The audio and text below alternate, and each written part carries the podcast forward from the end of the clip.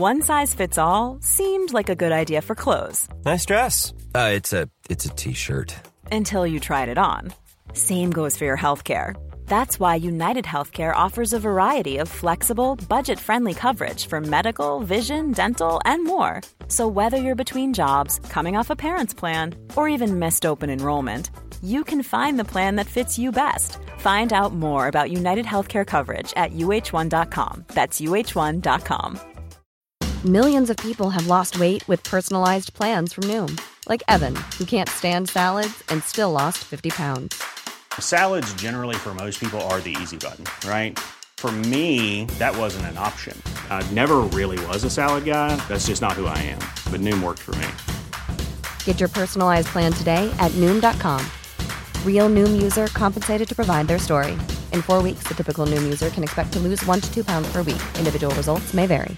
Many of us have those stubborn pounds that seem impossible to lose, no matter how good we eat or how hard we work out. My solution is PlushCare.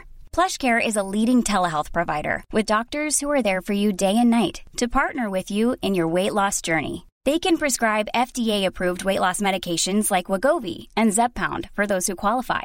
Plus, they accept most insurance plans. To get started, visit plushcare.com slash weight loss. That's plushcare.com slash weight loss.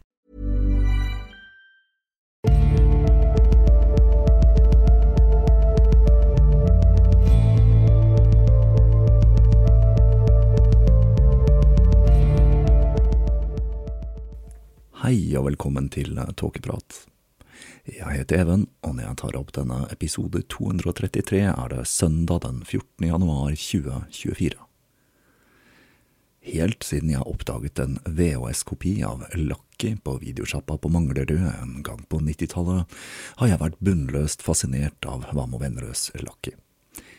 Filmen, som var den nest siste filmduoen Sven Bam og Petter Vennerød skulle produsere, har fulgt meg gjennom alle disse årene som den ultimate Bam og Vennerød-filmen.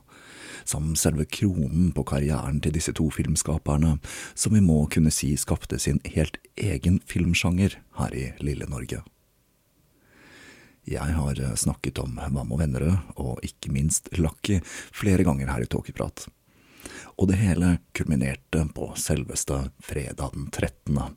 i oktober 2023, hvor Cinemateket hadde satt opp en visning av filmen med meg og Anders Borchgrevink som konferansierer. Anders, som spiller hovedrollen i filmen, hadde med seg en rekke effekter og en utklippsbok. Og denne kvelden fikk jeg ikke bare oppfylt drømmen om å se Lucky på kino, men jeg fikk også svar på en rekke spørsmål som jeg har gått og grunnet på i alle disse årene. Jeg gjorde et opptak denne kvelden med mine trofaste, gamle, håndholdte Zoom-opptaker. Denne sto under setet mitt på første rad, så opptaket det ble litt ruskete. Men nå har jeg fått rensket opp litt i lyden, og det er hørbart, selv om lyden fremdeles er litt vel punk. I utgangspunktet hadde jeg tenkt å slippe denne som en ren Patrion-spesial men jeg har nå kommet fram til at denne samtalen mellom meg og Anders er av så stor kulturhistorisk betydning at jeg vil dele den med dere alle sammen. Opptaket dere nå skal få høre, består av to deler. Først introduserer jeg og Anders filmen, og så følger et opptak av samtalen vi hadde rundt filmen etterpå. Dessverre så var det en visning i salen etter Lakki, så til slutt så måtte vi gi oss men jeg har på følelsen av at vi kunne snakket både om Lucky og prosessen rundt filmen i mange timer til. I disse dager er det mulig å se den siste filmen på NRK. Eh, som jeg sa i julepratepisoden, så regner jeg dette som årets beste film i 2023, og jeg vil anbefale alle å se denne for å få en litt dypere forståelse av hva Vam og Vennerød har betydd for norsk kulturliv. Og med det gir jeg dere dette opptaket fra en av de kuleste kveldene jeg har opplevd. Nå skrur tiden tilbake til fredag den 13. oktober 2023.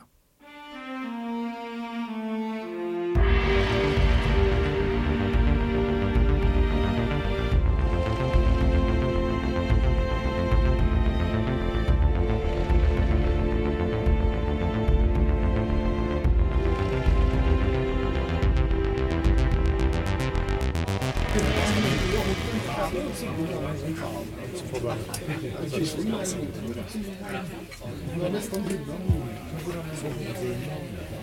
god kveld og hjertelig velkommen til Cinemateket og til denne visninga av filmen 'Lucky gutten som kunne fly'. Eh, en av de viktigste oppgavene til Cinemateket er å vise filmer fra den norske filmhistorien. Eh, og prøve å skape eller stimulere interessen for den norske filmarven. Uh, og en av de tingene som vi, vi, er spesielt opptatt av, er å skal si, revurdere tidligere filmer og se tilbake på filmer og se om Eh, vi ser dem på samme måten nå som de ble sett eh, da de kom. Eh, og ikke minst å se om det er norske filmer som har fått et ufortjent dårlig rykte.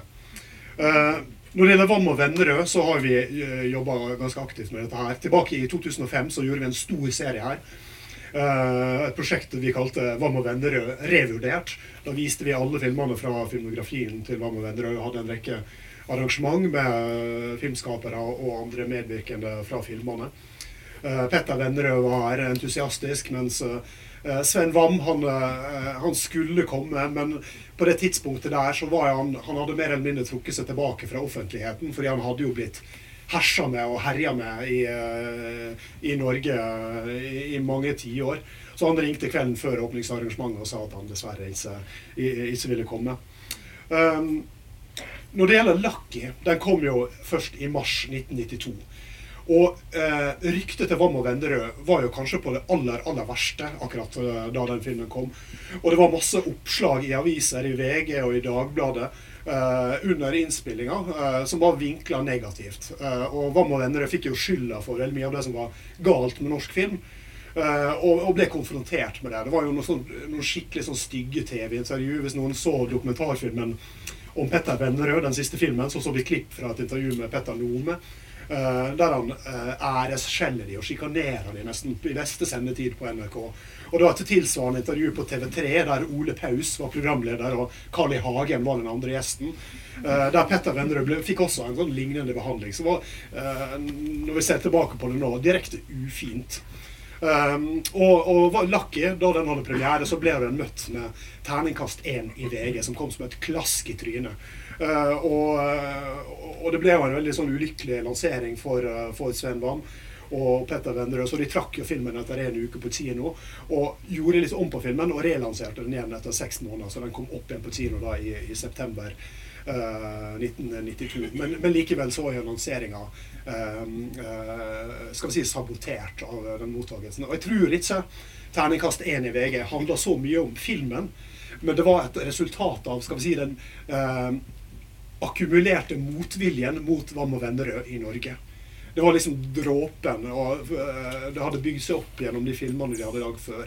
Så, så, det var liksom uh, enkelte anmeldere som hadde bare rett og slett uh, fått nok. Og det, så, denne filmen ble jo da litt sånn ufortjent uh, offer, offer, for dette her.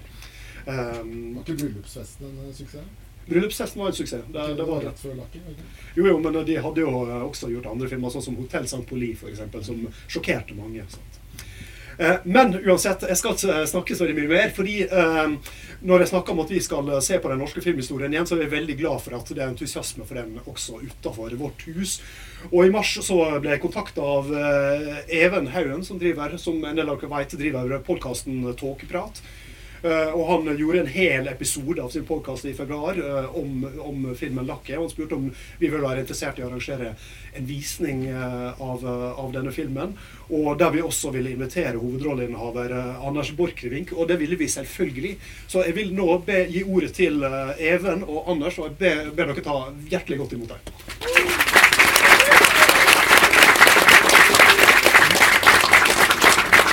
Takk for det. Um, altså For meg så er dette litt uvirkelig. Uh, dette er en film som har hatt en veldig rar plass i livet mitt i mange, mange år. Og jeg bestemte meg rett og slett for at jeg måtte skrive en monolog for, å forklare hva dette betyr for meg.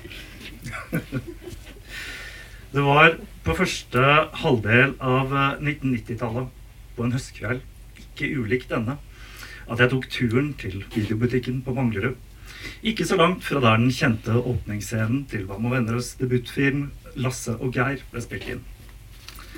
På denne tiden var det VHS som gjaldt. Og for meg så dreide filmen seg mye om obskure europeiske grøssere og dramafilmer, hvor stemningen gjerne var viktigere enn både handling og budsjett. Siden det var VHS som gjaldt, og jeg ikke akkurat var fremmed for å kopiere filmer av venner og kjente, da gjerne italienske filmer uten tekst som hadde blitt kopiert et titalls ganger, uh, var det å finne en originalfilm gull verdt. Denne høstkvelden bladde jeg meg gjennom det videosjappa hadde til saks av brukte utleiefilmer, og plutselig lyste et navn mot meg, og det var Sven Damm. Jeg tok kassetten ut av bunken og studerte forsiden med en ung gutt som balanserte på en jernbaneskinne og med filmens tittel i store røde typer lakk. Wam og Vennerød var to legendariske norske filmskapere i mine kretser. Og filmene deres føyde seg godt inn i den litt mer eklektiske filmsmaken min. Men 'Lucky' den hadde jeg aldri hørt om. Jeg hadde heller ikke fått med alt kontroverset som hadde vært i norsk presse. Når jeg kom hjem og satte på filmen, så var jeg solgt fra første stund. Filmen var i likhet med så mange av Vam og Vennerød sine filmer en reise i mørket. Den fortalte en tilsynelatende enkel historie med ekstremt kraftige virkemidler og ekstrem dybde. Lite ante jeg at dette var en film som kom til å følge meg gjennom resten av livet. Som en slags uløselig gåte som norsk films svar på Finnegans Wake. Dette er en film som får en ny dimensjon hver gang jeg ser den, som en mangefasettet juvel. Jeg har sett filmen med jevne mellomrom i årenes løp. Og hver gang jeg ser den, så oppdager jeg en ny og fram til da usett detalj. Filmen skulle også bli en slags personlighetstest for meg. Fordi det er ekstremt ulikt hvordan ulike mennesker reagerer når de ser filmen. For én ting er sikkert. Dette er ikke en film du slipper unna før den har satt merker på sjelen din. I de senere årene har Lucky igjen fått en mer sentral plass i livet mitt. Jeg tror det startet når jeg lagde episode 100 av Tåkeprat, hvor jeg snakket om nettopp Hva med venner og hvordan Lucky er en av mine klare eh, favoritter i filmografien deres. Senere skulle jeg ved en tilfeldighet, men også godt hjulpet av min entusiasme, eh, en, skulle filmen bli en sentral del av skolehverdagen til en elev på skolen jeg jobbet på, som heter Øyvind. Uh, ved hjelp av han så fikk vi bl.a. kontakt med Per Knutsen, som har skrevet boka filmen er basert på. Og gjennom Per Knutsen fikk vi svaret på noen av de tolkningene vi hadde av filmen, og fant ut hva som var rett elegant. Filmen førtes enda nærmere når først Per døde, og så Petter. Og etter å ha sett filmen om den siste tiden til Petter Vennerød, den siste filmen, så bestemte jeg meg for at tiden var inne for endelig å få sett Lucky der den hører hjemme, på kino. Og her er vi altså. Lucky har enda ikke sluttet å overraske meg. Når uh, Anders og jeg satte oss ned for å forberede oss likevel, så fikk jeg plutselig svar på en ting jeg har klødd meg i hodet over en stund, nemlig et uttrykk Sven og Petter brukte. Overstattement. Det kan hende at min forvirring stammer fra det at de brukte uttrykket når de forsøkte seg i politikken, med slagordet 'Vi skal slå et slag for overstattementet'. For hva er egentlig det? Om man tenker seg uttrykket på engelsk, så blir det litt klarere. For det betyr jo rett og slett overtydelighet. Som en motvekt til subtilitet. Og det er akkurat denne overtydeligheten, eller overstattementet, som ligger i grunntonen i Lakki, og som gjør at filmen fremstår som et slags marerittaktig feberdøm av en historie. I hendene på andre regissører ville nok historien ha blitt fortalt på en langt mer stillferdig og subtil måte. Men det er akkurat dette som gjør at dette er en film jeg søker tilbake igjen til igjen og igjen.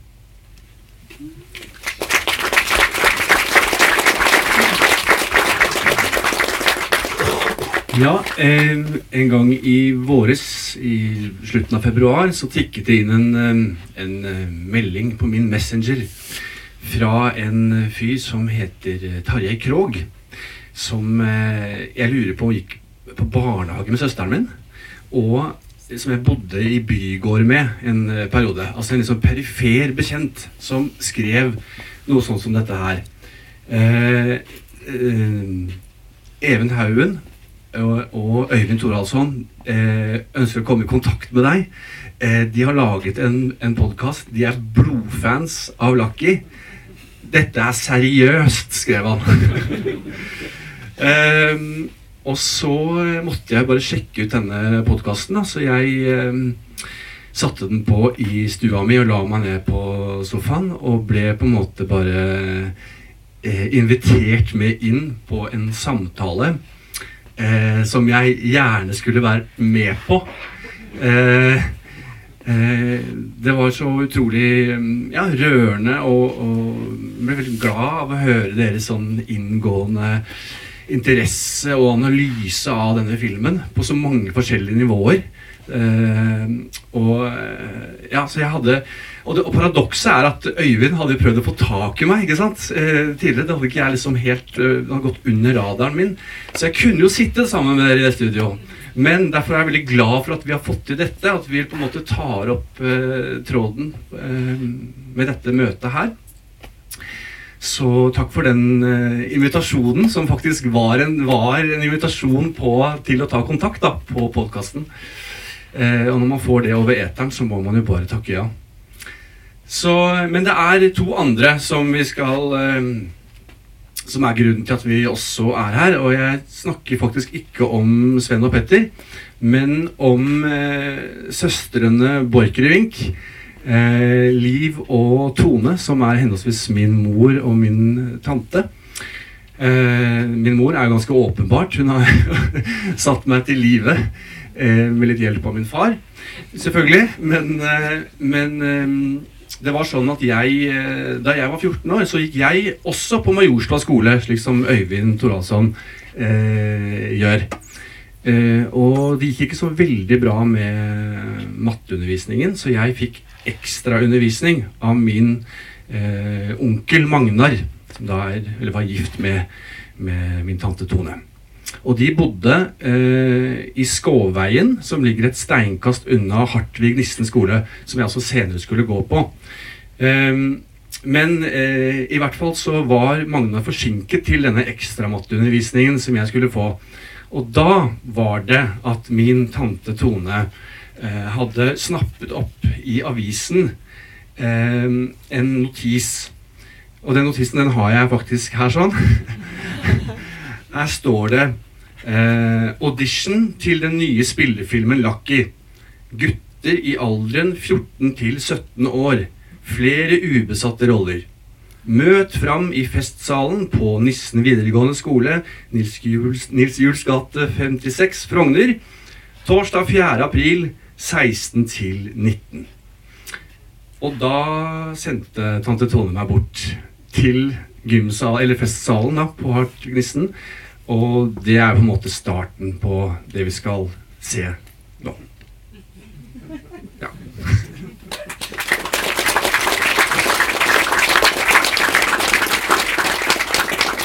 Og før vi setter i gang, så vil jeg si at dette er andre klippen vi skal se. Altså For filmen den ble jo tatt av kino etter bare én uke. Og så ble den klippet om, og så ble det lagt inn noen nye scener. Uh, jeg skulle veldig gjerne sett den versjonen som kom på VHS, som uh, jeg ikke har sett siden jeg hadde VHS-spiller. Men vi kom fram til at uh, vi vil se denne versjonen, fordi her er det en del scener jeg lurer veldig på hva det handler om. Og jeg vet at han som står der, har svaret. Så nå skal vi finne ut av dette her en gang for alle. Og da starter vi filmen med et sitat fra avisa Ung fra 1992. Som er en kritikk av filmen. Det er da jeg går ut ifra en ung person som sier For mye konflikter, for mye budskap. Slikt interesserer ikke oss.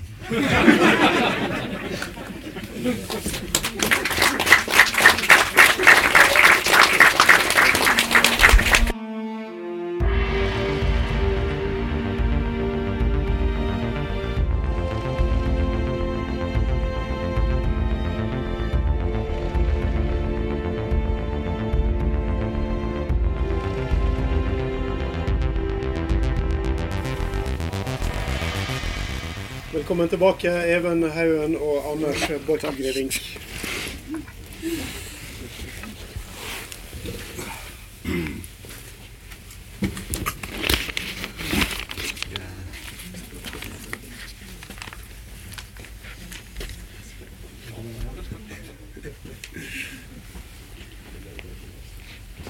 Jeg har i hvert fall kledd meg for anledningen. Det er veldig bra, Even. Tok med meg en bag også, som liksom by accident uh, ligner litt på en annen bag vi så tidligere i, i filmen. Riktig. Tok med meg litt rekvisitter. Ja. Jeg bare først, Hva tenker du nå? Det er en stund siden du har sett denne på kino. Åssen var det å se seg selv igjen? Det var uh, Det var veldig fint, egentlig. Ja. Jeg var veldig avslappa nå. Det var veldig sånn um, det, det, slår meg jo at det er At uh, film er uh, best på kino. Det er noe med, med lyden og alt Alle virkemidlene blir på en måte litt sterkere enn å se det i litt sånn dårlig oppløsning på YouTube. ja, absolutt. Altså, det beste jeg har sett dette, er på VHS. Dette var jo enormt. altså. Jeg ble ikke noe mindre fan nå. Så nå blir det 100 gjennomseing til, tenker jeg. Og jeg så en del nye ting. Jeg gjorde det, ja? Jeg gjorde ja, ja, Blant annet denne ravn på kontoret til rektor, som jeg ikke har sett før. Ikke sant? Som er en sånn symbolikk som går gjennom hele veien. Ja, det er, det er mye fugl og fjær. det er mye fugl og fjær. Vinger. Ja. ja. Uh, ja, nei, det, det og så humoren slår meg altså på en annen måte. Fordi vi, vi har jo rukket å bli like gamle som det Sven Wam eh, var da han lagde denne filmen. Rett og slett. Ja, det er litt morsomt. Ja, 46 begge to. Vi er hjemmegamle. Ja. Så jeg hørte du humra godt der. Og jeg, altså, det, er, eh, det, er, noen ting altså, som du ble unnfanget under enden demonstrasjon for fri abort. Altså ja, det er liksom ikke måte på, da. Ja, det, er, det er mye, mye, som på en måte man kanskje som har gått litt forbi når man har vært yngre, men som, som traff meg denne gangen. Ja. Mm. Så, men jeg, jeg, ser jo når jeg ser den filmen nå, at de tenkte dette som en ungdomsfilm. Det syns jeg er litt rart, da. det må jeg si. Ja. Ja. Nei, det kan nok hende at det var litt uh, sterk kost for noen. Um, ja. Men uh, ja. Absolutt. Så var det um, disse scenene, da. Jeg vet at du har, uh, har med deg et lite stiv i den der bagen din. Ja, det har jeg. Fordi som jeg sa innledningsvis, så er jo dette andre klippen. Og disse scenene hvor uh, vi ser deg med nøkkelen, blant annet, Som det er noen dørene ikke passer i, og plutselig så sklir nøkkelen inn i nøkkelhullet, og så står du der og fekter med et glasskår og noe greier. Den har jeg aldri helt skjønt. Nei, nei. Nei, nei altså, etter at jeg uh, etter at jeg eh, hørte den podkasten som dere lagde sist, ikke sant? du og, og, Øyvind, så gikk jeg på loftet til eh, min mor og fant eh, en del eh, skatter, da, kan man si, fra den tiden, som har ligget og støvet ned siden. Og da eh, Ja, så jeg har, jeg har tatt vare på mye mer enn jeg hadde trodd. Men blant annet så Eh, så er det da eh, et eh, håndskrevet brev fra Sven Wam. som jeg har lagt bakerst her for at det skal være lett tilgjengelig. Skal vi se Nå går vi rett på åpenbare hemmelighetene, da. Men det, det, er kanskje like greit å bare stikke ja, hull på Du er så nysgjerrig? Ja, jeg er så nysgjerrig på dette. Ja. ja. ja. men det er greit. Men det er, dette her er altså ja, som, som, uh, som, Jan var inne på i begynnelsen her, så, så fikk jo den første versjonen av lakket ganske tøff uh, behandling av mm. pressen mm. allerede før den hadde hatt premiere. Så den ble jo, som nevnt, trukket ganske kjapt fra kinoene. Og så ble det da spilt inn noen uh, nye scener, og også skåret vekk noen scener. Som man kan se hvis man får tak i den uh, første versjonen på VHS. Så er det noen en scene bl.a. hvor eh, Bjarte Hjelmeland, eh, som for øvrig da spiller to roller. For han spiller også denne punkeren i det krysset. Eh, men han spiller en eller annen sånn hallikfigur som står og pisser bak en sånn snackbar, som man faktisk ser i et bilde. Hvor det er, det er mye sånne krankjøringer og sånn. Og, og der står han og pisser, eh, og en gråtende eh, Prostituert kvinne som Ja. og sminken renner og sånn. Det Ja. husker jeg fra VHS-en. Ja, og det er den samme, samme kvinnen som ligger i den hengekøyen inne hos han Tim. Ja. Og hun gikk i barnehage med søsteren min. Hun også! Oi. Hva gir du meg, liksom?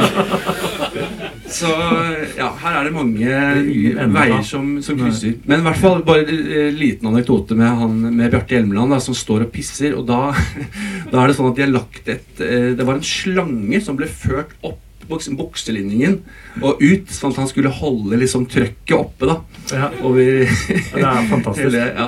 Ja. Det spruter ut piss når han står og pisser. Men eh, det, var den, det var den første versjonen, og, så, og det var altså scener som ble klippet bort. Og så ble det lagt til noen, da, som er eh, ja. Ja, hvor lang tid det var, var det ikke så mye som et halvt år etterpå? eller noe sånt? Jo, altså den hadde eh, Første versjon hadde premiere liksom i mars eh, 1992, da. Ja. Og så tror jeg det var liksom på høsten eh, at det var nypremiere. Med altså 'Gutten som kunne fly', Ja. da. Ny plakat og Det, det var internasjonal lansering, var det ikke? Eller tar jeg feil? Jeg tenker på Giffeny og sånn. Å ja, sånn ja. Ja. Eh, ja, det kan godt være at det var det. Ja. Vi, kan, eh, vi kan ta fram Gif-Honey etterpå. Ja, vi tar det. Ja. Eh, men men eh, Ja, så her er altså Dette er da eh, sommeren mellom, da, ikke sant? Så får jeg et, eh, et brev fra eh, Sven Wam, som jeg skal mm, lese i hvert fall deler av. da. Han skrevet, han skrevet det med sin liksom, sedvanlige store bokstaver.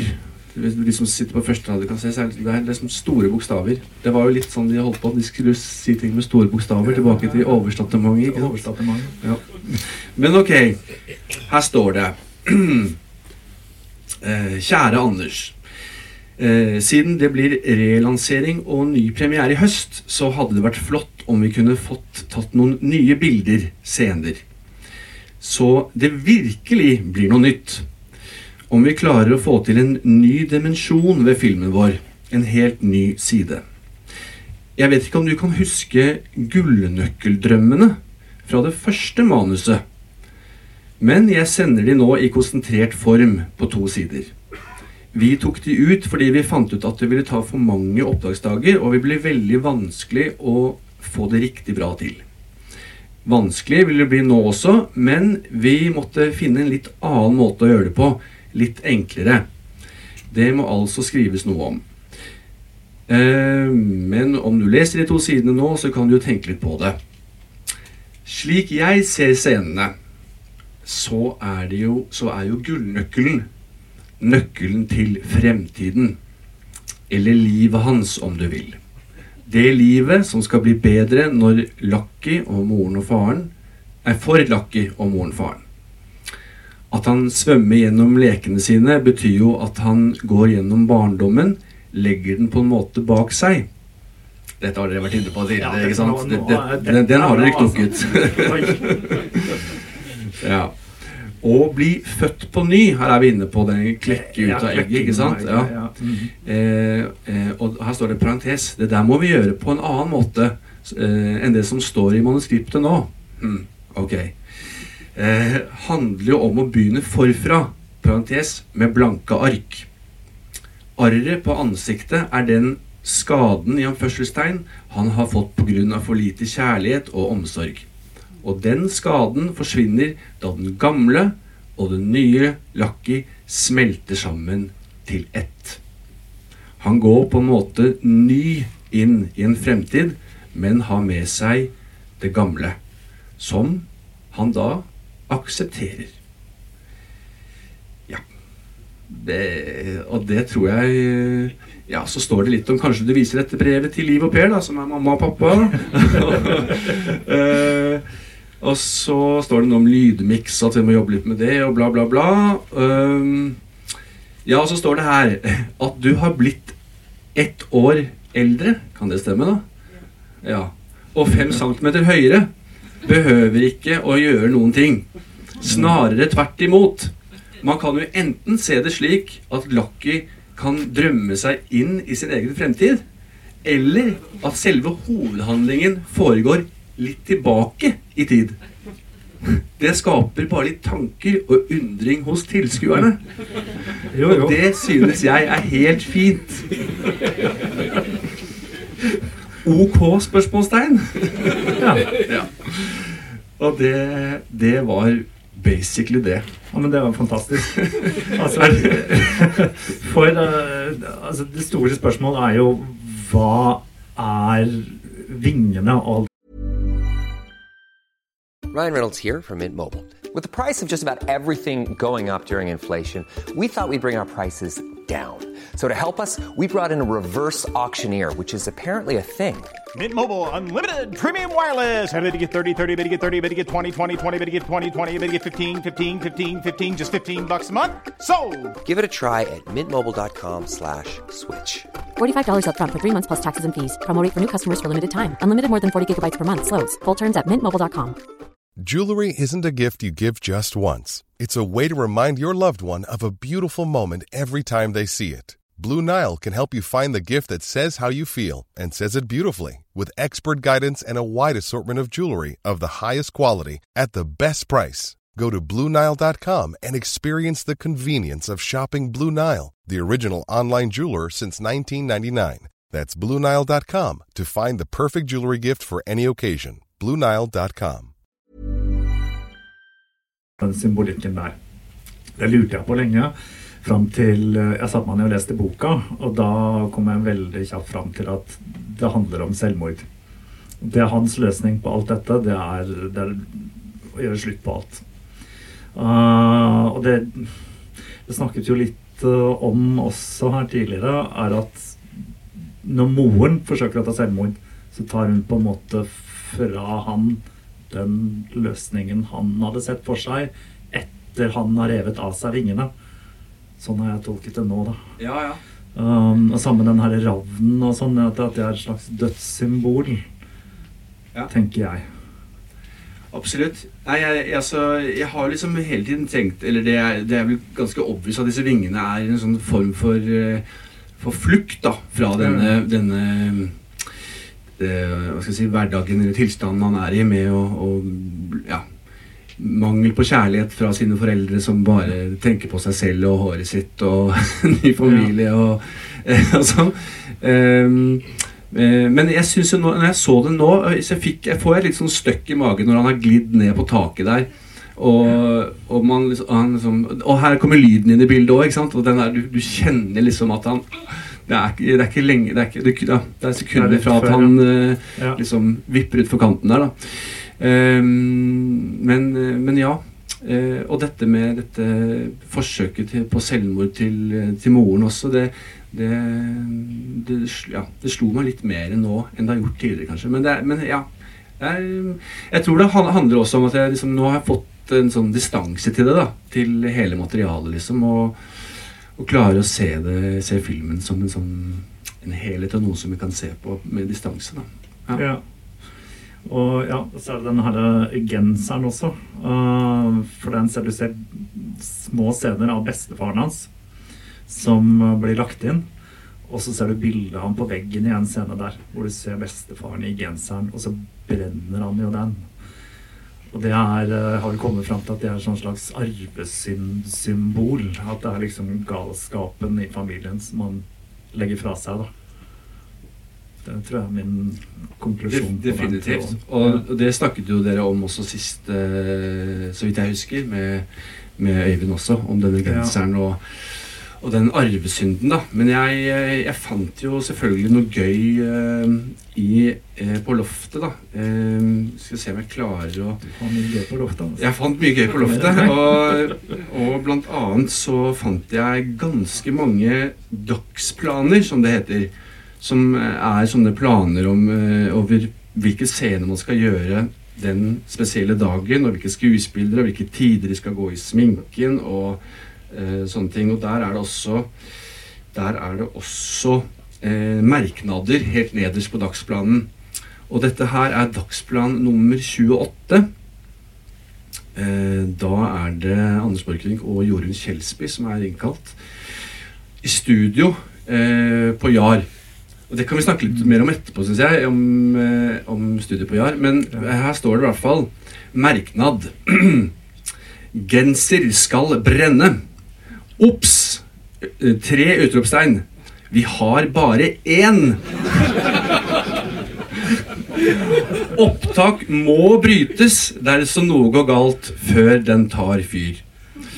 Det betyr altså at man må stoppe tagningen hvis det, liksom, hvis det er noe gærent med lyden eller noe. Så bare ikke Da må vi bryte. Ja. Så øh, ja, litt glad for at jeg fant noe om den der genseren Ja, ja. som det har vært så mye snakk om. Og du sitter der med islenderen og ja. Så øh, ja. Men, men øh, jo, altså Dere For jeg, altså Som sagt, jeg, jeg ville jo så gjerne være med i den samtalen som du og Øyvind hadde. ikke sant? Så nå bare begynner ballen å rulle for meg. ikke sant? Og det har jeg lyst til å Men den, den tar aldri slutt, den her. Er Nei, det er det, det er Det, det er alltid noe mer. Ja, ja. Men, men dere, for dere snakket litt om at den var så, eh, så dyr eh, å produsere, denne filmen. Ja, det er fordi um, Når jeg snakket med Per Knutsen, um, så sa jeg det at ofte så, så lagde vel Mamma og Endre filmer veldig billig. Så de ga ut veldig fort. Og da gjør han meg oppmerksom på at denne var faktisk en veldig dyr produksjon. Det var snakk om 15 millioner eller noe der omkring. Ja. Og det, som jeg skjønte på deg, så hadde det mye med studio å gjøre. Ja, jeg, tror det er en, en sånn blandet faktor, men det er en av tingene. ikke sant? Å eh, å leie studio på Jar. Fordi alt som er interiørt hos hele hans leilighet og hele denne restaurant Løvhjerte, og taket, hele taket med eh, med et sånt Med backdrop da, av himmelen, ikke sant? Med den Mm. skyen i bakgrunnen og sånn. Det er studio. Sånn at de har liksom har, ja, noen vanvittige byggeprosjekter da, inni det store studio, og mye filming der. Og det som jeg syns er litt gøy, da, det er for dere som er gamle nok til å kjenne Tramteatret og og ehm, eh, Vass... Nei, ikke Vasida Pillepuggers. det er noe helt annet. Pelle Pelle Parafins bøljeband. Ja.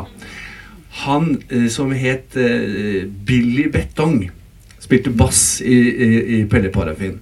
Og det er han som har malt dette backdropet, som dere ser. Himmelen bak taket. Det er Billy Betong. Jeg satt og fulgte med på det nå, fordi du har nevnt det for meg. Og jeg så at stjernene glitret. Ja, ikke det, er, det er altså for det var bevegelse. Ja, ja. Det var eh, perforert, ikke sant? Det var hull til stjernene, så de funklet gjennom med lys bakfra. Ja.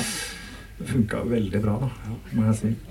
Um, og så en sånn fakta som, uh, som jeg vet du har svar på. Det er, eh, for det er en scene her som ikke er i boka. Uh, filmen følger boka veldig slavisk. Uh, all dialog er nesten ordrett fra Per Knutsen.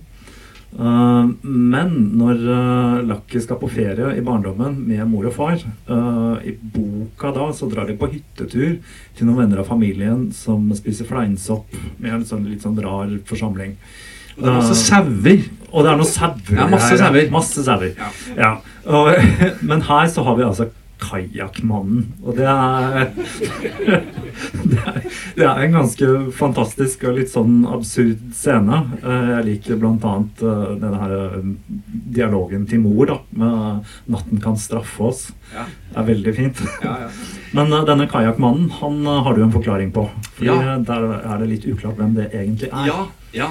Fordi hvis man eh, Hvis man eh, Hvis man eh, Altså googler altså Hvis man, man går inn også, går inn på Hva heter det? IMBD. Ja, ikke sant? Siden til, til Aki, så står det liksom Det er register over hvem som har ulike roller og ikke, altså, ja, Cast and crew, da. Og der står det Der er det bilde av en, en relativt kjent skihopper som heter Anders Jacobsen under eh, Kajakkmannen. Mm. eh, som jo Men det er altså hans navnebror, som også var idrettsutøver.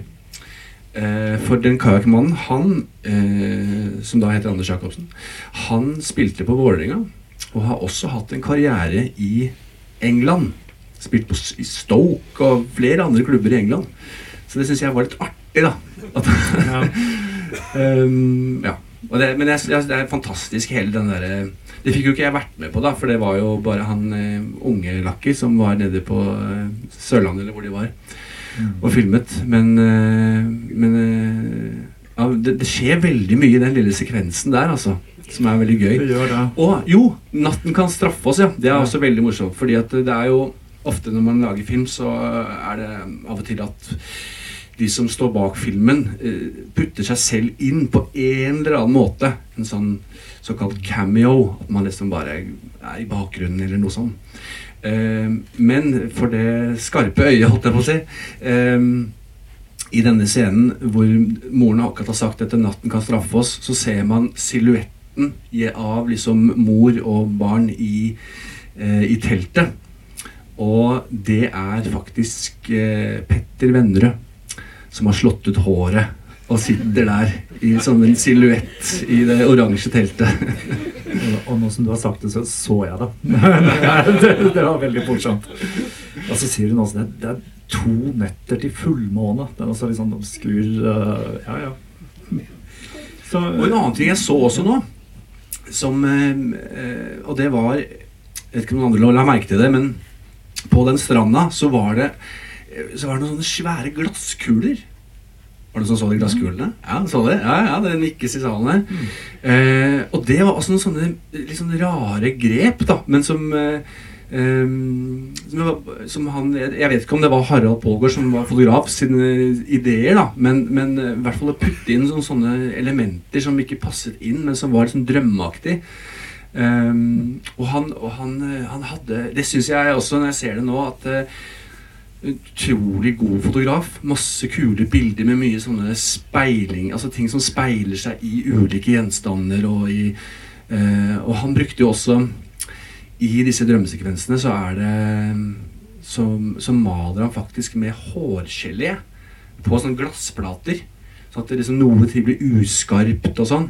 Og inne hos han Tim, når han sitter der og tenner opp den fakkelen, så blir det mer og mer bløra. ikke sant? Og da har han, da har han hårgelé på en sånn glassplate som han bare dytter foran kameraet. sånn. Ja, ja. Dette er, er, eh, Det er analog, det er Ja, ja. analog eh, effects. Men det er en nydelig håndverk. Altså. Den er jo fint filma. Det er en pen film å se på. Absolutt. Og en nytelse å se på kino. Eh, Men litt sånn tilbake igjen til deg som 14 år gammel. Eh, Med alt det pepperet filmen fikk, altså før den kom. Jeg tipper du er ganske glad for at vi ikke hadde internett på den tiden. Ja, ja. Hva, hva, hvordan opplevde du det? Nei, altså jeg, jeg tror nok eh, at jeg ble relativt skåna der og da. Ikke sant? At jeg, jeg leste ikke så mye aviser og sånn. Eh, nå, har jeg, nå fikk jeg en sånn scrapbook eh, som eh, kjæresten til faren min, Anne, samlet og klippet og, og ut rubbel og bit av det som eh, kom ut i pressen. Og det er en sånn perm, liksom. Så det er av både eh, notiser og kritikker og, eh, og debatt. Ikke sant? Det skapte mye debatt om, eh, om eh, ja, rundt filmen og om kritikerne og sånne ting. Men, men jeg tror der og da ble jeg ganske skåna. Og, og som du sier at eh, jeg, jeg vet ikke, altså Hadde det vært i dag, selvfølgelig så er ting mye mer, mer tilgjengelig, men ting drukner kanskje også fortere i alt annen støy. Jeg veit ikke. Det er vanskelig å si. Vi lever i to forskjellige tidsaldre, på en måte. Men, Ja.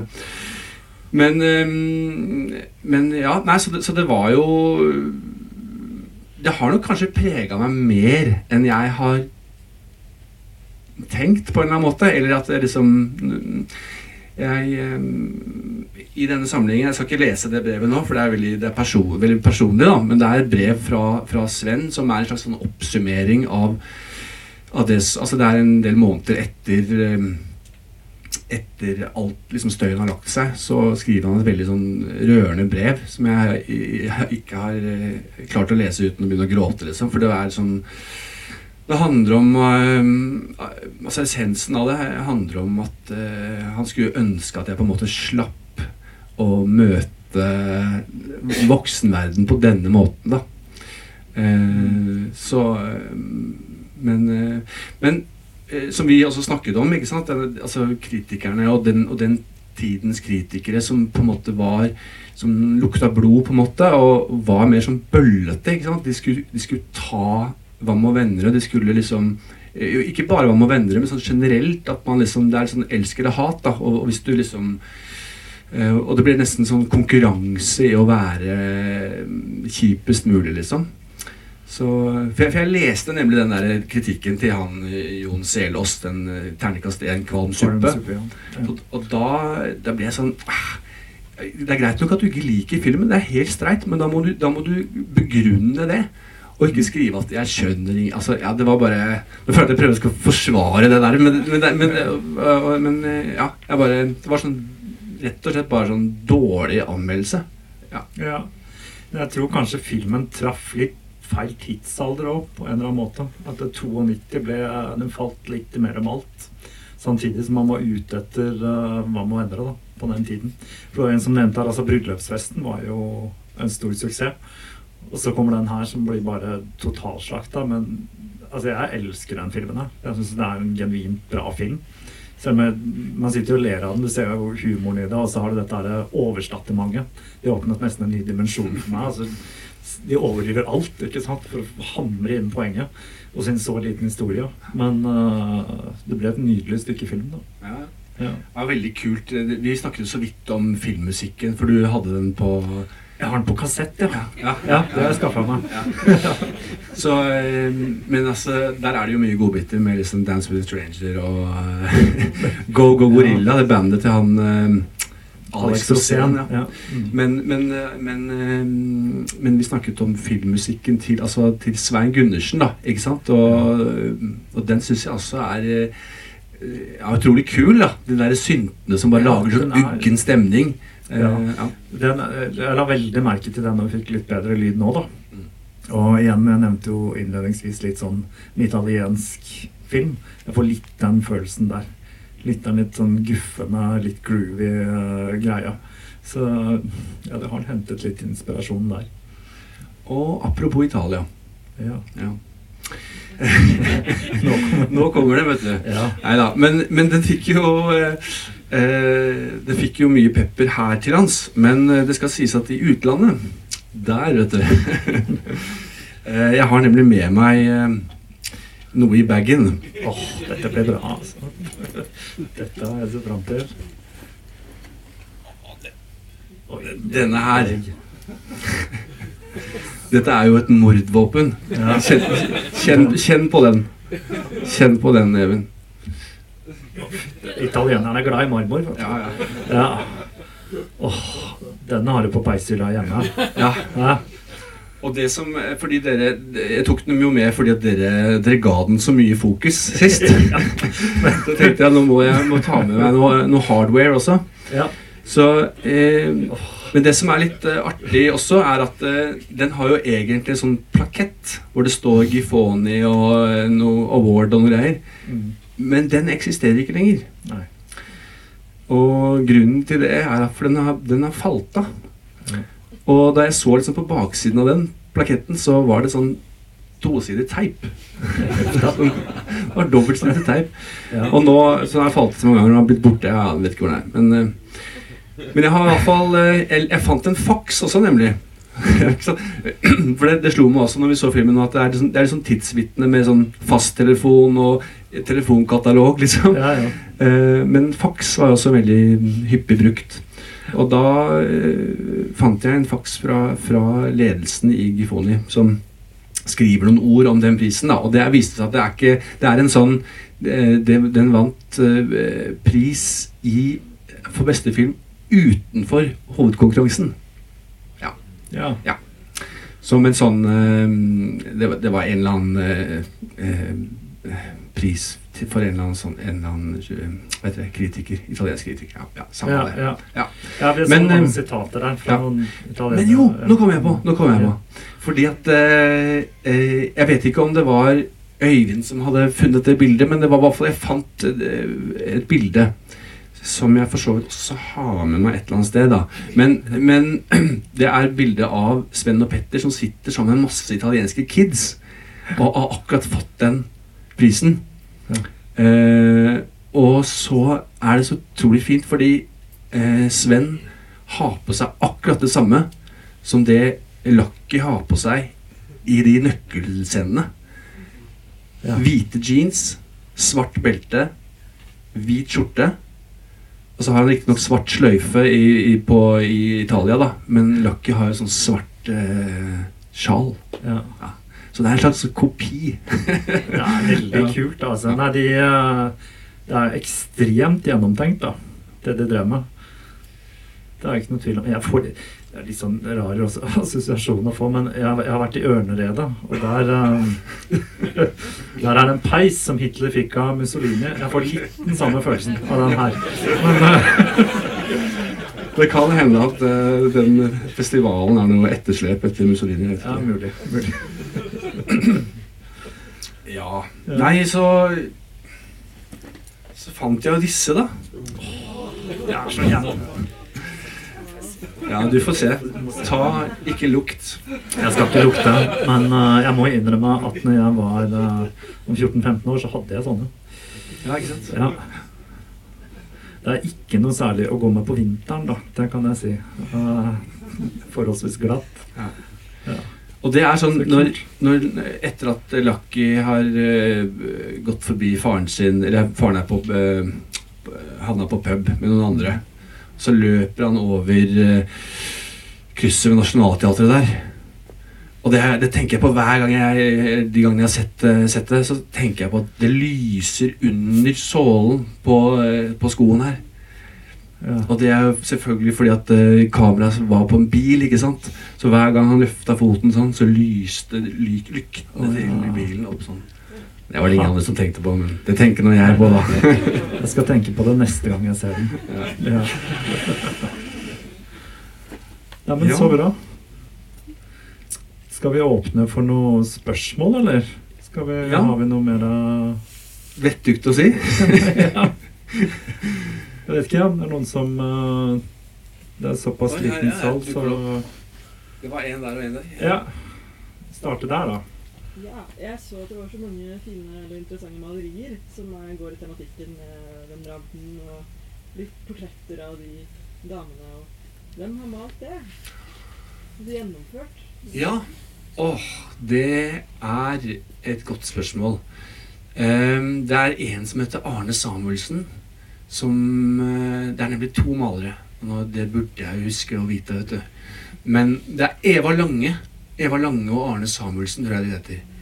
Um, fordi jeg tenkte akkurat på det også. Når, når han seg inn, eller økser seg gjennom døra der, så er det bilde av portrett av moren. Og det samme har faren hjemme hos sin nye familie.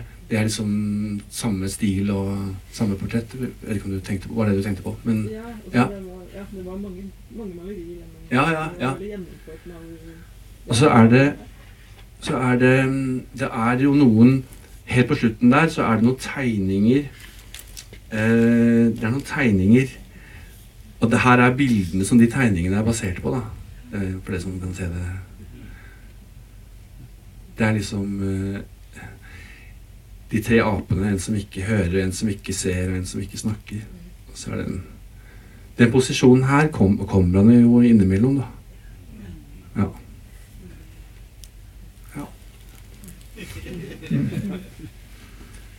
ja, eh, fantastisk å se den eh, på stor klarhet. Jeg har jo sett den i fylla på YouTube denne gangen, men eh, det er på en måte i litt andre lag, men eh, herlig. Um, det å være 14, og altså å spille Vam og Vennerød-film, altså i, i settingen her altså, for det, det er jo røyking, det er drikking, det er banning, det er puling. Det er på en måte ganske flaut materie å forholde seg til i 14-årsalderen, føler jeg. Eh, fall at, eh, eller det tror jeg jeg følte litt på. Kan du si noe om det? Hvordan, altså, hvordan på en måte gira de deg rundt i regiparten her? Liksom? Hvordan jobber man fram på en måte en eh, Jeg vet ikke, at, at det skal være en, noe du må forholde deg til, på en måte? Ja. Jeg jeg har lyst til å bare hjelpe deg litt med Fordi at du kan også legge til at du har jo en sønn på 13 nå. Jeg bare ser at han skulle spille dette. Det hadde Ja, samme Ja. Eh, jeg kommer fra en veldig sånn frivol familie, da, ikke sant? Som 78 nei, Nei, 68 rett, det, faktisk.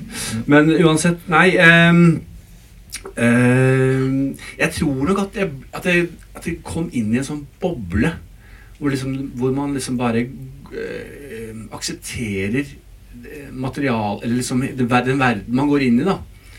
Uh, og det må jeg si at liksom ehm, nå, er, nå er det jo Sven jeg hadde mest kontakt med. Uh, Petter var jo mer Han var jo produsent på denne filmen, og Sven hadde regien, så jeg hadde mye mer kontakt med Sven enn Petter, egentlig. Men, men eh, ble jo veldig godt ivaretatt, og ikke bare av de, men, eller av Sven, men, men også på sett, altså på JAR, altså alle det, det var en sånn unik ting da, for en 14-åring å komme inn og bare se hvordan film lages i det hele tatt. Altså hele apparatet, liksom. Fra, eh, fra teksten og til eh, altså, kostyme og sminke og bygge hele studio og eh, kamera og lyd og lys og for hvert eneste bilde man skulle skifte en vinkel, så mm, gikk det jo liksom en time ikke sant, til neste bilde. Så måtte man finne på noe i mellomtiden. Gikk man og chatta litt med sminkøren og kanskje fikk på noe Ja, ikke sant. Så det ehm, men, men eh, tilbake til spørsmålet ditt, da. Når han bare flyter av gårde. Ja da. Ja, ja, halve filmen er ta i, Kjetil. Men eh, eh, men det er klart, jeg, jeg, jeg, tenkte jo litt på det når jeg, når jeg så det nå, faktisk. At det, liksom, det er jo noe nakenhet her, og det er jo sånn eh, eh, Ja, nei, jeg, jeg, vet ikke. Jeg, tror ikke jeg kan ikke liksom fornemme den, den følelsen av å være flau, liksom. Eh, eh, men kanskje, kanskje når den gikk på kino og sånn, og kanskje det er derfor jeg også har hatt litt sånn en ambivalent forhold til filmen etter at det, at det kanskje ikke handlet bare om den slakten den fikk, og sånn, men at man liksom har vært med på noe som plutselig skal nå et publikum. da, Man kan komme og se meg naken på kino, liksom. Jeg vet ikke, men Men, øh, men øh, Ja. Nei, jeg, jeg, ja. Som sagt, jeg, jeg tror eh, der, der og da så, så eh, ja, kan jeg ikke ha noen fornemmelse av bare flau eller eh, Nei. Jeg tror bare var den bobla, liksom. Mm. Jeg er fryktelig redd for å si at vi eh, må avslutte, så andre spørsmål og kommentarer kan vi kanskje ta utafor. vi har en ny film som begynner her nå, egentlig. Ikke sant? Ja, ja, ja. Så ønsker vi kunne fortsette lenger, men tusen takk for dette.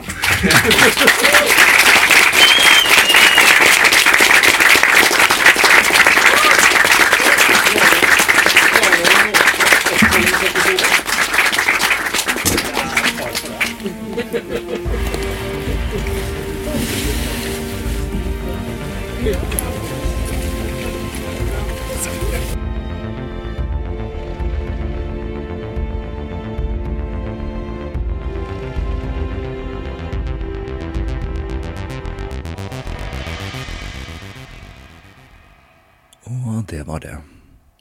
Dessverre er det fremdeles ganske vanskelig å få tak i Lucky. Den ble aldri gjenutgitt digitalt her i Norge, og nå må man prøve å få tak i en bruktutgave av VHS-en, eller eventuelt NTSC-DVD-en fra USA. Den lå en stund på YouTube, men den linken den er tatt ned nå, og jeg er redd jeg har litt av skylda for det, siden jeg delte den linken her i Tåkeprat. Det er godt mulig den finnes andre steder på nettet, men det skal jeg ikke snakke så altfor høyt om. Det jeg ønsker meg, er at filmen skal bli gjenutgitt.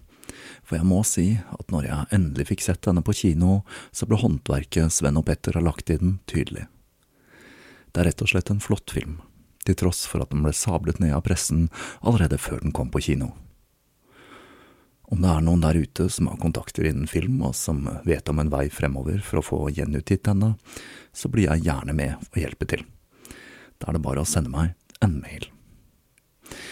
Og så over til litt eh, andre ting. Den forrige episoden om cannabis har vist seg å bli en knallsuksess, og jeg har vært i kontakt med flere der ute som har følt forbudet på kroppen, og som deler min frustrasjon over tingenes tilstand i 2024. Jeg har faktisk ikke fått noen negative tilbakemeldinger, og det overrasker meg litt, og gjør at jeg blir litt mer positiv og øyner håp om at folk i dag er mer informert enn de var for et par tiår siden. Eventuelt så kan det også bety at mine lyttere er et par hakk mer oppegående enn resten av befolkningen. Men det er uansett et positivt resultat, hva enn det skyldes.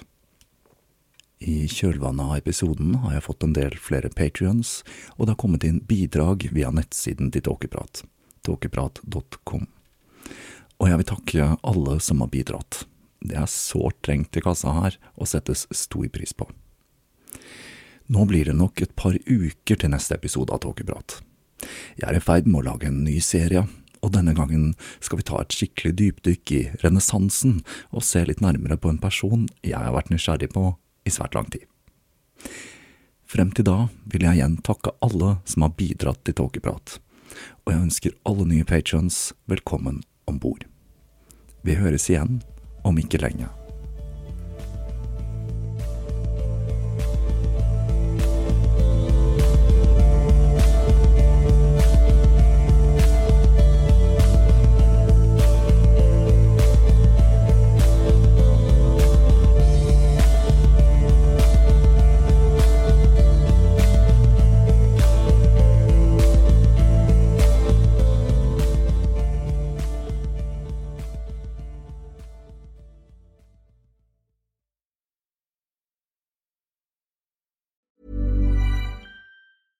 Even when we're on a budget, we still deserve nice things.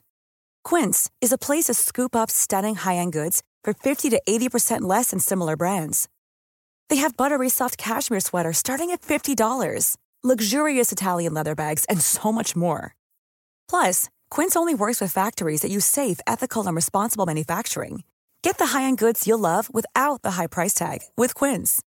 Go to quince.com/style for free shipping and 365-day returns.